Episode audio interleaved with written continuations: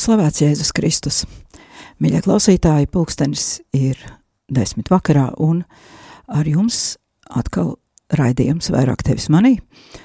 Un arī es, Sandra Preisa, esmu šeit studijā dzīvajā ēterā. Eh, Jau teicu, ka šo sezonu sākšu ar raidījumu sēriju, kuru apvienos viena tēma - dažādība, un šodien ir otrais raidījums. Šā raidījuma nodoms uh, ir eh, rosināt uh, jūsu pārdomas uh, par to, uh, kā šī dažādība izpaužas jūsu dzīvē un ko jūs ar to iesākat. Un uh, konkrēti runāsim par ģimeni, par attiecībām, par attiecībām uh, starp dažāda vecuma cilvēkiem. Uh, bet šo tēmu mēs turpināsim vēl arī citos raidījumos, tātad šodien pirmais.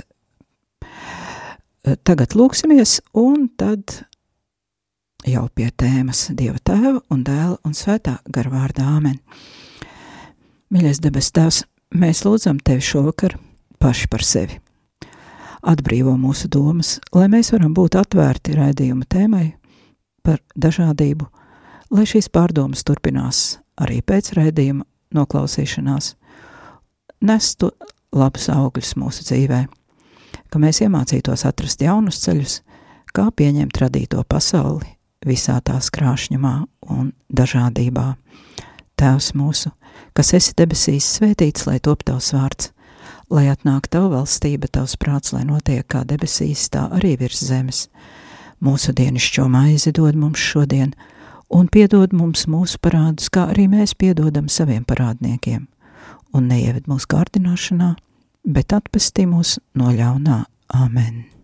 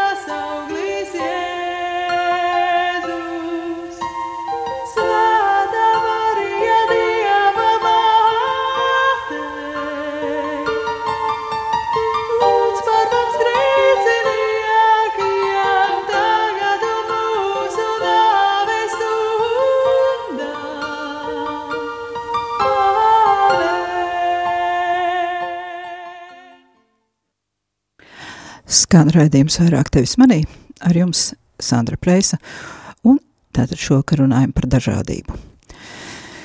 Tie, kur seko līdzi tam, kas notiek pasaulē, noteikti arvien biežāk dzird vārdu dažādība, jeb angļu valodā diversity, eh, lai vai par kādu tēmu nerunātu.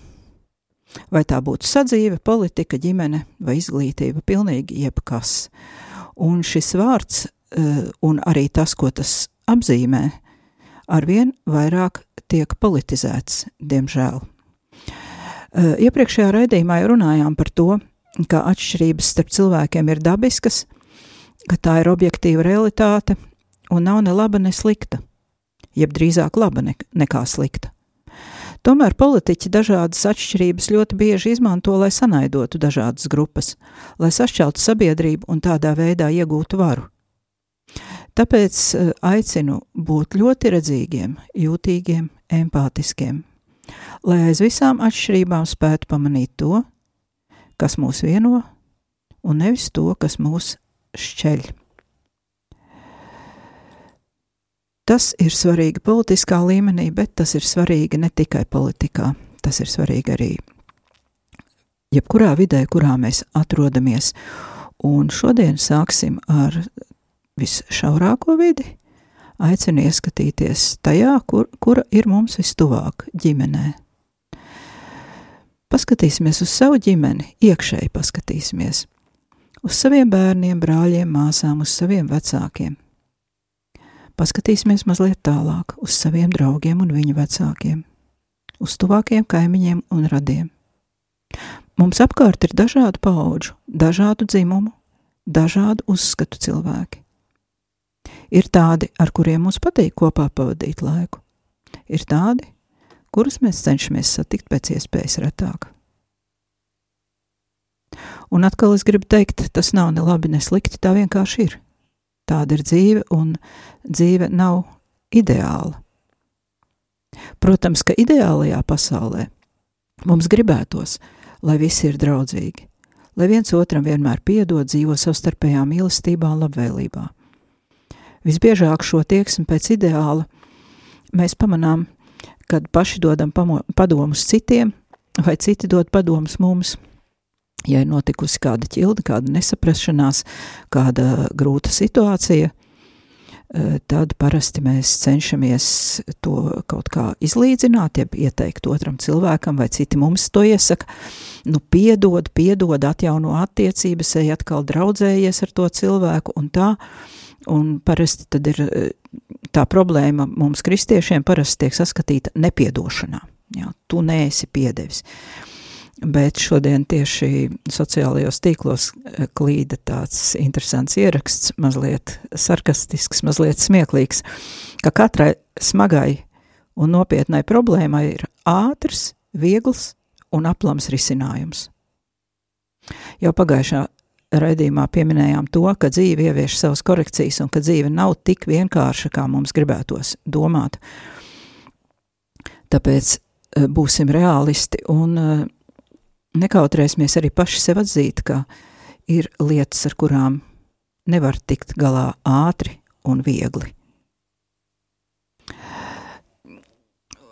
Ja esat lasījuši varbūt eh, Edītas Šteinas apcerējumu par Ziemassvētku silīti un par lieldienām, ir latviski arī tāda maza grāmatiņa izdota. Eh, Edīta Šteina runā par to, ka Pie Jēzus silītes stāv gani, un eņģeļa debesīs dzied, miers virs zemes, labas gribas cilvēkiem, un viņa saka, bet ne visi ir labas gribas cilvēki.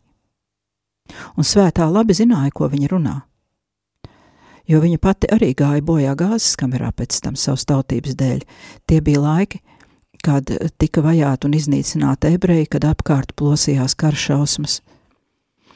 Un tie, kuri izrāva Edīti Steinu no klostera un nogalināja koncentrācijas nometnē, pilnīgi noteikti nebija labas gribas cilvēki. Un šobrīd eh, pasaulē ir tāda eh, tendence, mm, tās gan nav kristīgajā vidē pārsvarā, eh, tā ir vide, kura, kura ir neticīgo cilvēku vide. Tā tad ir, tiek uzdots jautājums, vai cilvēks sākotnēji ir labs vai ļauns. Jo mēs bieži baznīcā dzirdam, ka mēs esam grēcinieki, ka mēs visi esam grēkojuši, ka mums jānožēlo grēki, ka mums ir jāzemojās Dievu priekšā, un cilvēki no malas, kuri pilnīgi nesaprot attiecības ar Dievu, kuri nezina, nesaprot to domu, ko baznīca sludina, viņiem liekas, ka baznīca vienkārši absolūti pasludina, ka cilvēks ir ļauns. Lai gan Eh, baznīca gan sludina, ka cilvēks ir grēkojis, bet mēs zinām arī radīšanas stāstu, kur Dievs paskatījās uz visu radīto un atzina, ka tas viss ir labs. Lūk, un eh, tādēļ šī doma, ka visi cilvēki ir labi, pēc definīcijas labi, nu, tā ir tikpat nepatiesa, kā teikt, ka visi cilvēki pēc definīcijas ir slikti. Cilvēki vienkārši ir cilvēki. Un tāpēc būsim droši un sauksim lietas īstajos vārdos. Ir tādi cilvēki, kuru darbus mums ir tiesības saukt par ļauniem, un ir tādi cilvēki, no kuru sabiedrības mēs drīkstam izvairīties, un tas nemaz nebūs grēks pret mīlestību. Svarīgi ir tas, kas ir mūsu sirdīs. Vai mēs turam aklu naidu un atriebības kāri sevī? Vai arī mūsu sirdī ir žēls, žēlums un labvēlība attiecībā uz šādiem cilvēkiem, kuri dara ļaunus darbus? Jo ļauns ir jāsauc par ļaunu, jo citādi mēs Dievu priekšā būsim nepatiesi. Mēs nevaram teikt, jā, tas cilvēks dara labu, bet Tāpat laikā mēs varam būt labvēlīgi tādā ziņā, ka mēs vēlamies šā cilvēka atgriešanos. Mums ir viņa žēl.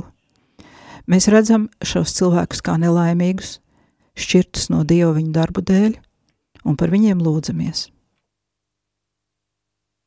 Svētajā vēsturē ir daudz tādu svēto, kur ir lūgušies par ienaidniekiem, par noziedzniekiem, un ir gadījumi, kad šādi cilvēki, šādi noziedznieki ir atgriežušies Tā piemēram, Marija Goretī, jauna meitene, es nezinu, vai jūs zinat šo stāstu, ja? tā bija 12 gadus jauna meitenīte, eh, kurai uzmācās puisis un mēģināja viņu izvarot, un viņa nepadevās, un viņš viņu sadūra ar ļoti, ļoti daudziem nažu dūrieniem, bet viņa izdzīvoja un nonāca slimnīcā, kur viņa, protams, nevarēja glābt. Un viņa lūdzās par to puisi, un pateica, ka viņa ir viņam piedevusi. Un šis cilvēks gan neuzreiz, bet vēlāk tomēr piedzīvo atgriešanos. Tāpat var, varam lasīt Svētās Katrīnas no Sienas biogrāfijā, ka viņa lūdzās par noziedzniekiem, un šie noziedznieki bieži atgriezās. Tas gan nenozīmē, ka šiem noziedzniekiem tika atcelts laicīgais sots un ka viņi tika atzīti par labiem un, un priekšzīmīgiem cilvēkiem. Nē, bet šie cilvēki atgriezās pie Dieva, nožēloja, nu, un bija daži arī, kas labojās. Protams, ka ir bijuši arī gadījumi svētajiem, kad lūkšanas nespēja salauzt nocietinātās sirds, un tādu gadījumu, piemēram, apraksta mazā Terēze savā autobiogrāfijā. Bet mums, kas ir jādara mums, ir svarīga mūsu sirds attieksme. Un tagad Jautājums, kur tad šī attieksme rodas? Jo dažreiz mums gribas domāt, nu, jā, svētie ir svētie, kur nu mēs, bet svētie ir tādi paši cilvēki. Un tad ir jājautā, vai šie svētie to bija saņēmuši no dieva kaut kādā īpašā veidā, vai tomēr eh, viņi tam bija gatavojušies savas dzīves laikā.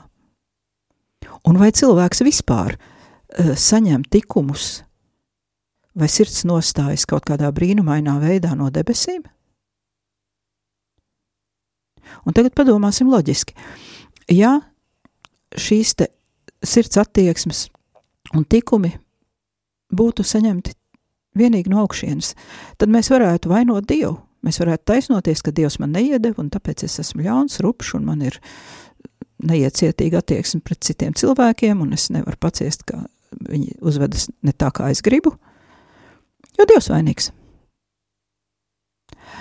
Ja šīs te attieksmes un spējas cilvēks varētu pilnībā izkopt pats un būtu pilnīgi neatkarīgs no Dieva, viņš varētu iztikt bez Dieva un būt labs, tad mums apkārt noteikti būtu daudz mazāk sāpju.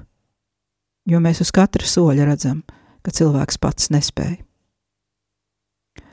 Un lūk, katoliskā teoloģija māca, ka Dievs dod savas dāvanas, balstot tās uz katra cilvēka dvēseles spējām. Un ir spējas, kuras ir objektīvi mums katram, un ir spējas, kuras mums ir dotas tā kā sēkla, bet kuras mums ir jāizkopja tā kā dārzā stādiņš. Ja kāds no jums ir mācījies teoloģiju, tad jūs neko jaunu nedzirdēsiet.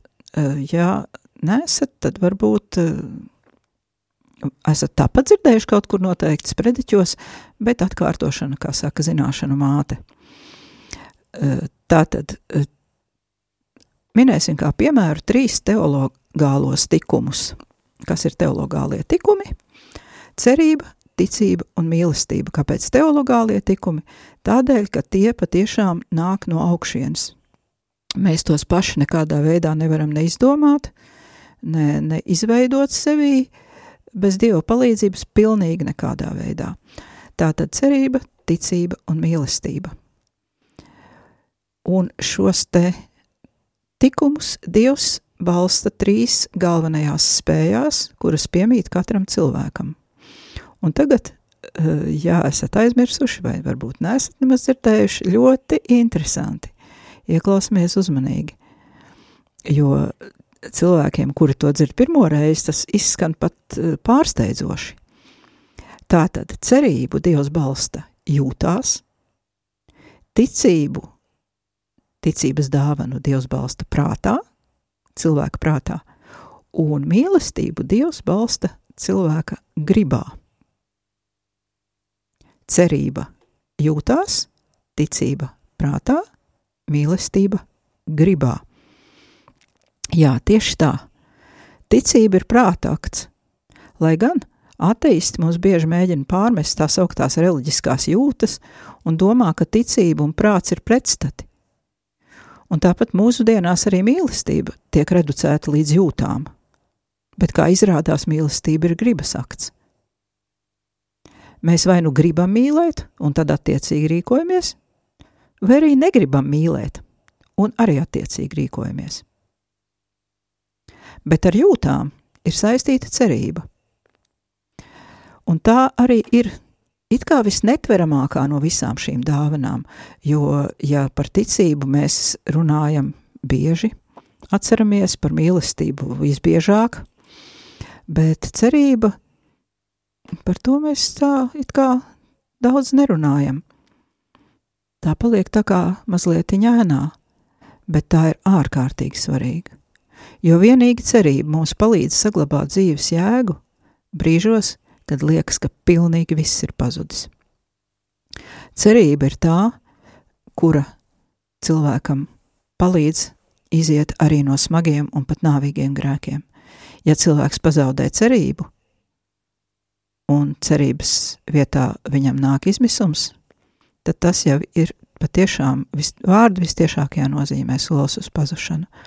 Un tā tad cerība, kur ir balstīta jūtās, un, un mums dažreiz liekas, ka jūtas ir kaut kas tāds ļoti tāds gaisīgs un netverams un nenopietns mazliet, tā tad šī cerība ir patiesībā ir atslēga uz pestīšanu.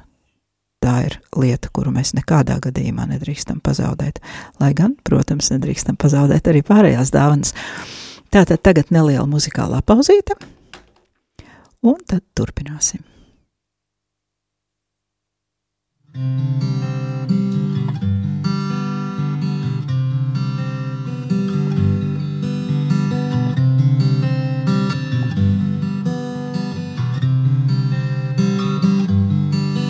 Ja es runātu cilvēku neņģeļu valodos, bet mīlestības man nebūtu, es būtu kā dārdušais varš un kā skanūšais vorguļs ja man arī būtu pravītošanas dāvana, un es zinātu visus noslēpumus, visas zinības iegiltu, man būtu pilnīga ticība, ka es pat kolnus porceltu, bet mīlestības man nebūtu.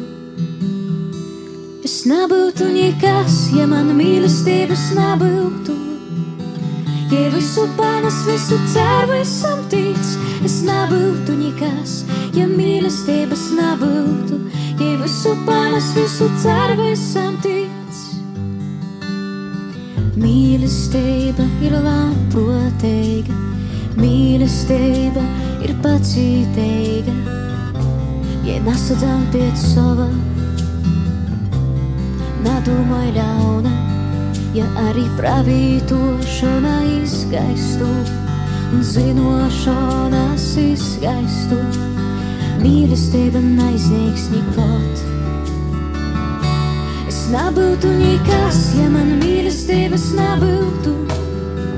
Ja visu panes, visu ceru, esam tic, es nebūtu nekas, ja mīlestības nebūtu. Ja visu panes, visu ceru, esam tic. Es nebūtu nekas, ja man mīlestības nebūtu. Ja visu panes, visu ceru, esam tic, es nebūtu nekas, ja mīlestības nebūtu. Ja visu panes, visu ceru, esam tic.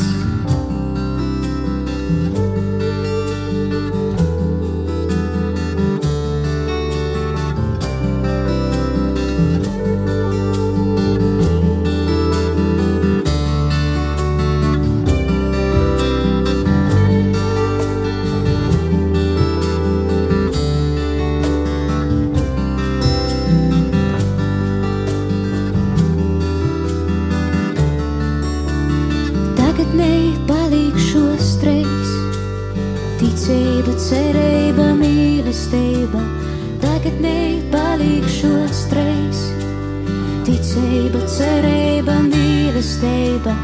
Bet nu jām lielāko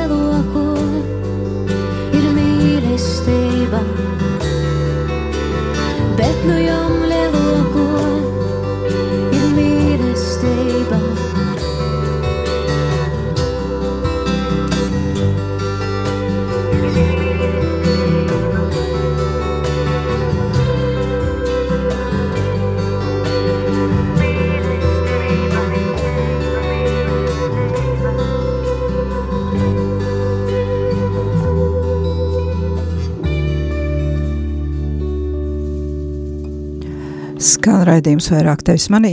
Ar jums ēterā es Sandra Prēsa un turpinam par dažādību. Līdzīgi kā teologālos tikumus, par kuriem mēs arī mazliet dzirdējām dziesmā, eh, arī visus citus neskaitāmos tikumus dāvā Dievs, bet ne bez mūsu līdzdalības. Eh, Tikai, ja, piemēram, šīs lielās spējas, jūtas, griba un prāts ir katram cilvēkam doti, tad citas spējas mums ir jāizkopja dzīves laikā. Iedīgļi mums ir, bet tās ir jākopja. Un tā tad, lai mūsos veidotos jebkāds tikums, lai tas augtu un pieņemtos spēkā, mums ir pašiem jāsadarbojas ar to, kurš visu dāvā. Un tam pamatā tā tad būs šī spēja, kura mums visiem ir, griba, un, kā iepriekš arī runājām, tieši labā griba, kur tiek saukta labā griba.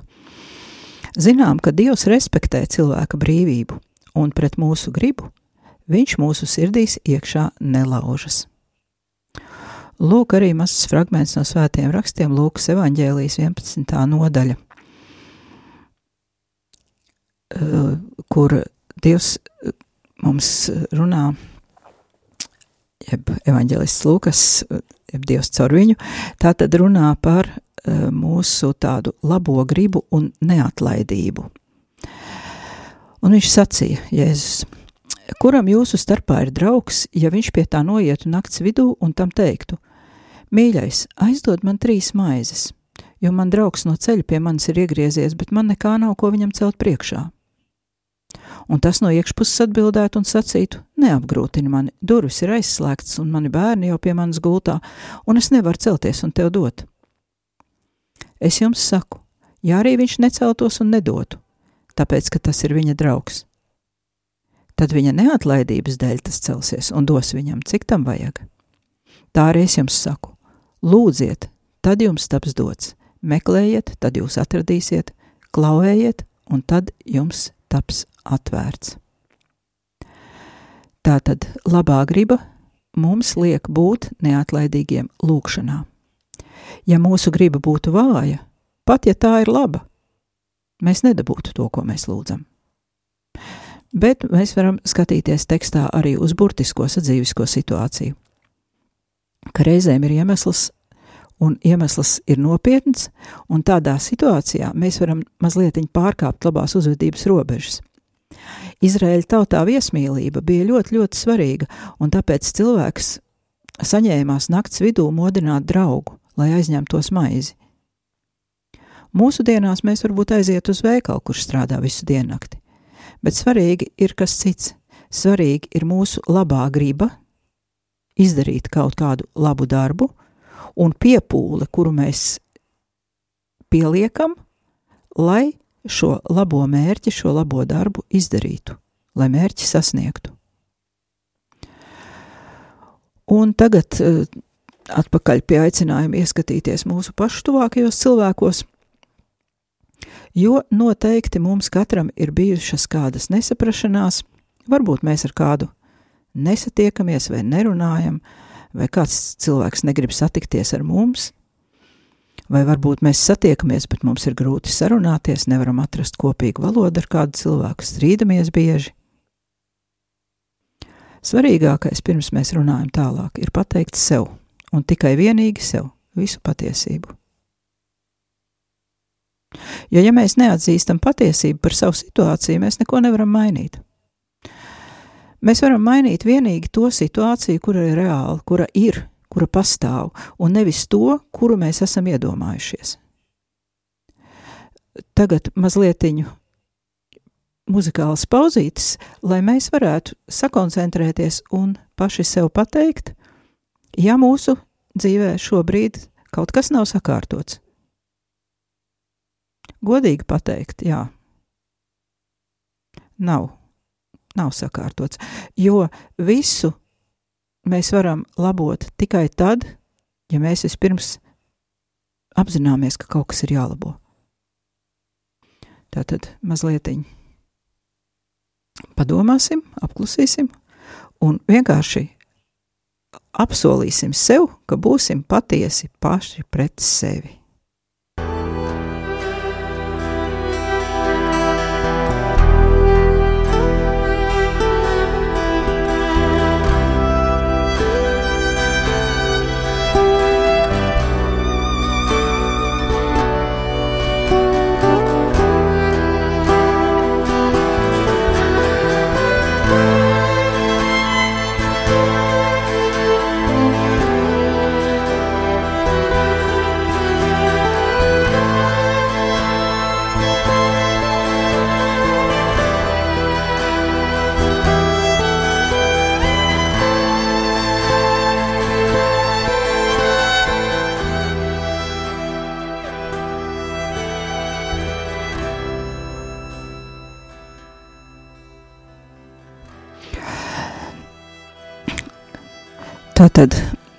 Lai mēs varētu kaut ko gūt no šīm pārdomām, nosacījums ir būt patiesiem pret sevi un saukt lietas īstajos vārdos. Tagad vēl viens bībeles fragmentiņš, kurš mums atgādina, ka lietas nemaz nav tik vienkāršas, kā mums gribētos domāt, un ļoti bieži cilvēki, kuri ir tālāk no baznīcas, atzīst, ka, oi, man jau nekādas vainas nav, es neko ļaunu neesmu darījis, nevienu neesmu apzināts, nevienu neesmu nositis. Un arī mums pašiem dažreiz ir grūti izmeklēt savu sirdsapziņu un, un, un atrast savas vainas, un tādēļ es arī šo te patiesumu pret sevi piesaucu, jo bez šīs patiesības atzīšanas mēs neko, neko nevaram situācijās mainīt. Tātad uh, Mateja evaņģēlijas no Kalnas prediķa fragments, piektā nodaļa, no 21. panta. Jūs esat dzirdējuši, ka vecajiem ir sacīts, tev nebūs nokauta, un kas nokauj, tas sodāms tiesā. Bet es jums saku, kas uz savu brāli dusmo, tas sodāms tiesā, bet kas saka uz savu brāli ģeķis, tas sodāms augstā tiesā, bet kas saka bezdievis, tas sodāms ēlas ugunī.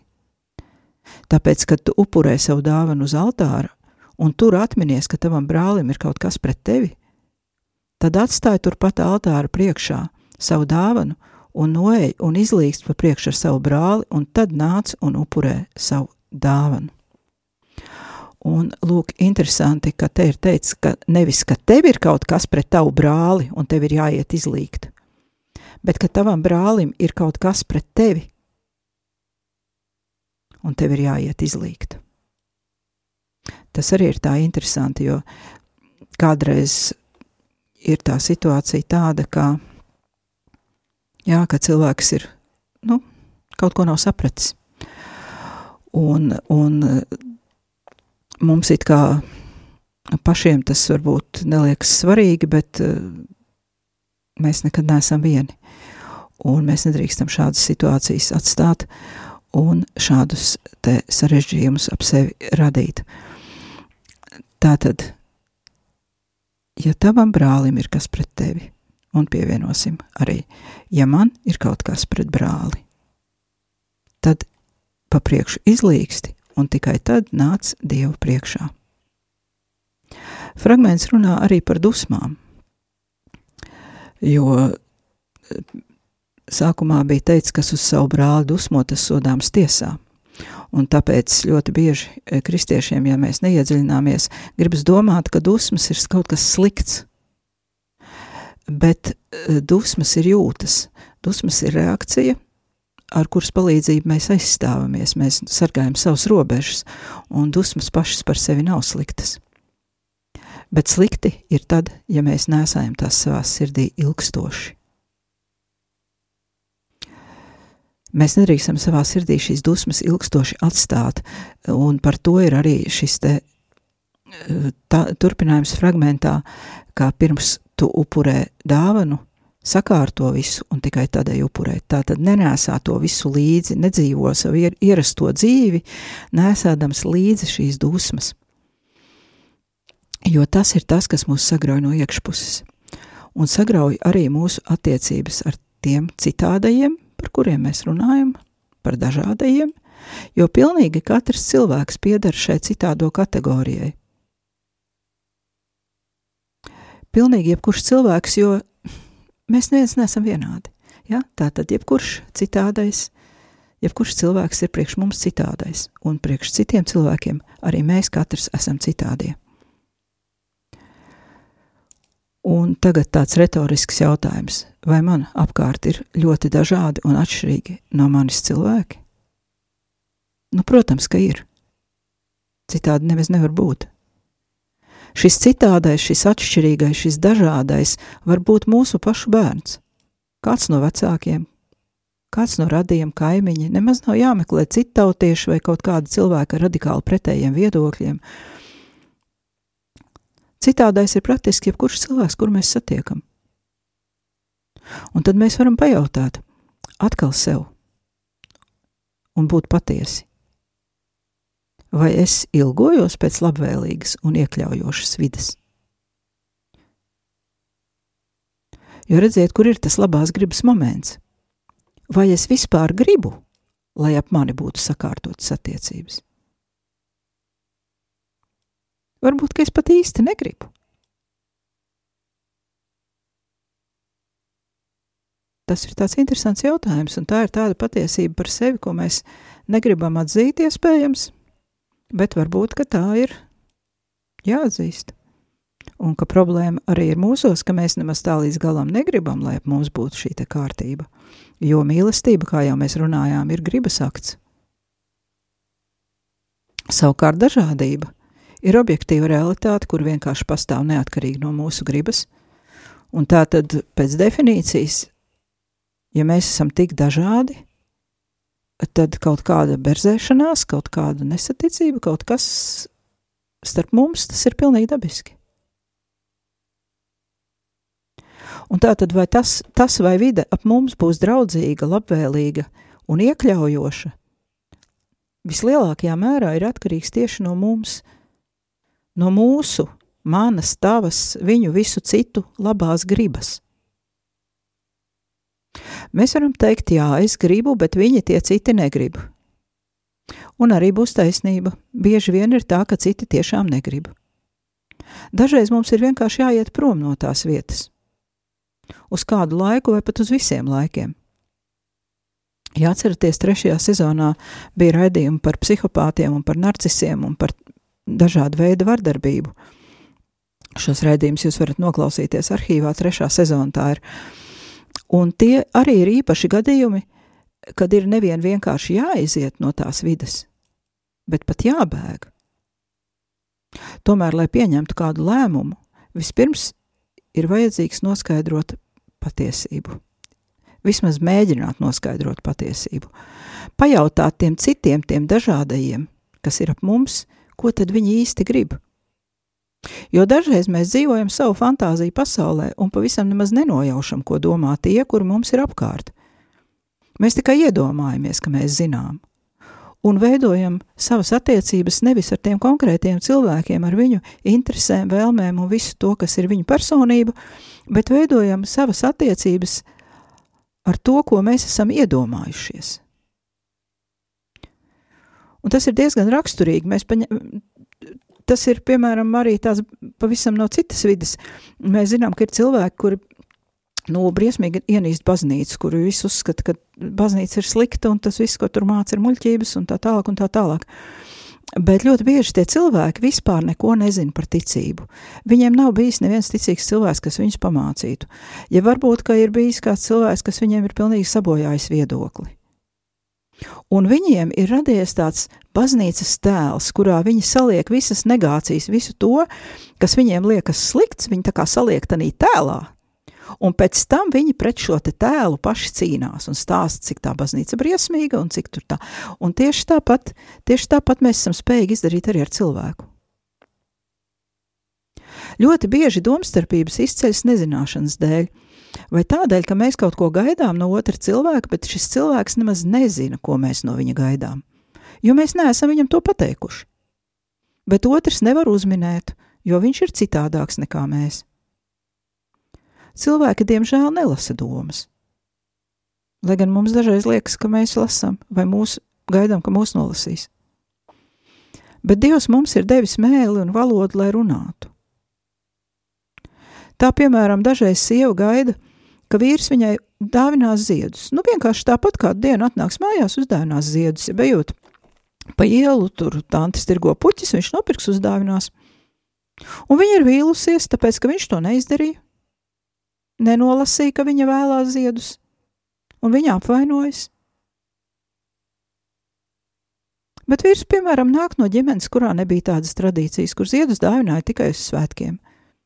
Vai varbūt viņš nav spontāns, vai varbūt viņš bija tajā brīdī aizdomājies par kaut ko citu un nemaz nepamanīja, ka tur tā tanteņa ar ziediem sēž.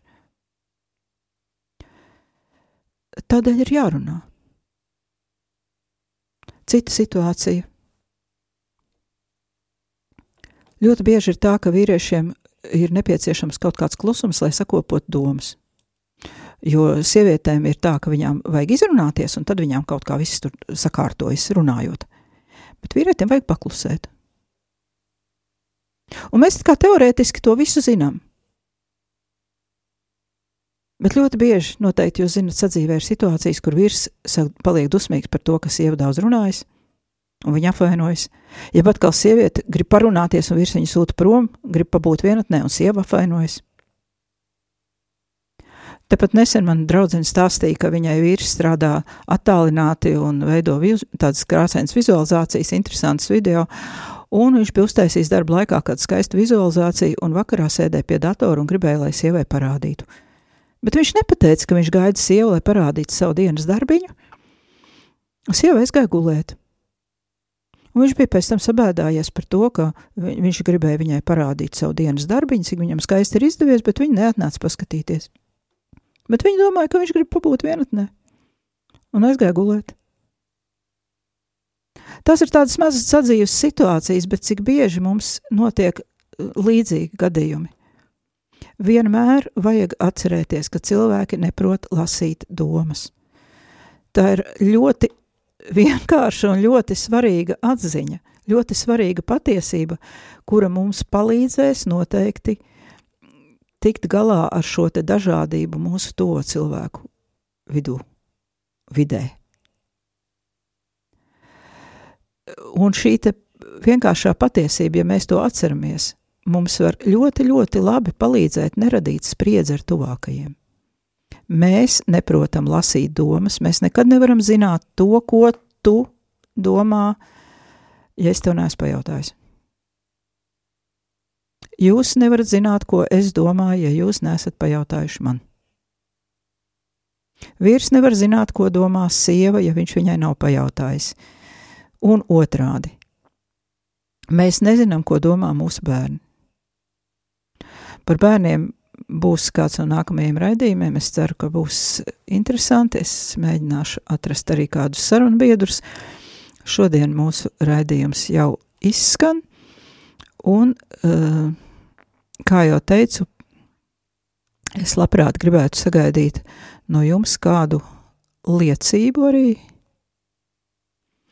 Un būtu jauki, ja jūs varētu man uh, vai nu uzrakstīt e-pastā vienkārši, ka jums ir liecība, kur jūs vēlētos uh, pastāstīt raidījuma laikā pa telefonu, vai arī atsūtīt šo te savu liecību man uz e-pastu vairāk tevis manī at gmail.com un tad es to varētu nolasīt. Tātad, eh, ko es gaidu jūsu liecībās, kādu situāciju, kas jūsu dzīvē ir bijusi grūta, tātad situācija, grūta situācija, kuru jums ir izdevies atrisināt, un kurā jūs varētu aprakstīt, kā jūs jutāties šajā situācijā, un kā jūs risinājāt viņu, un ko jūs darījāt, lai šo situāciju atrisinātu. Tas būtu ļoti jauki, ja jūs varētu šādas liecības sagatavot. Un pat, ja jūs zvanīsiet pa telefonu, tāpat arī pierakstiet šo liecību. Tāpēc, kā raidījuma laikā, kad runā pa telefonu, var aizmirsties kaut ko svarīgu pateikt, un labāk ir nolasīt no lapiņas un neaizmirst, nekā kaut ko skaistu, ko jūs gribējāt padalīties ar cilvēkiem, aizmirst. Tā tad laiks jums eh, padomāt par liecībām būs diezgan liels, jo, diemžēl, man ir jābrauc uz ārzemēm. Šobrīd, nu, diemžēl, vai prieks jābrauc apciemot radus, bet uh, mums ir arī karantīna pēc tam divas nedēļas, un tādēļ es laikam kādu mēnesi nebūšu radio, un jums ir mēnesis laika tātad padomāt par savām liecībām, par grūtām situācijām ar dažādiem cilvēkiem, kuras jums ir izdevies atrisināt. Gaidu jūsu vēstules. Tātad vai nu liecība vēstulē, vai nu vēstulē vienkārši uzrakstiet, ka jūs vēlaties piezvanīt uz raidījumu un savu liecību pastāstīt. Tagad arī no jums atvedos lai jums ir svētīga visa šī jaunā nedēļa. Tas bija raidījums vairāk tevis manī un Sandra Preisa.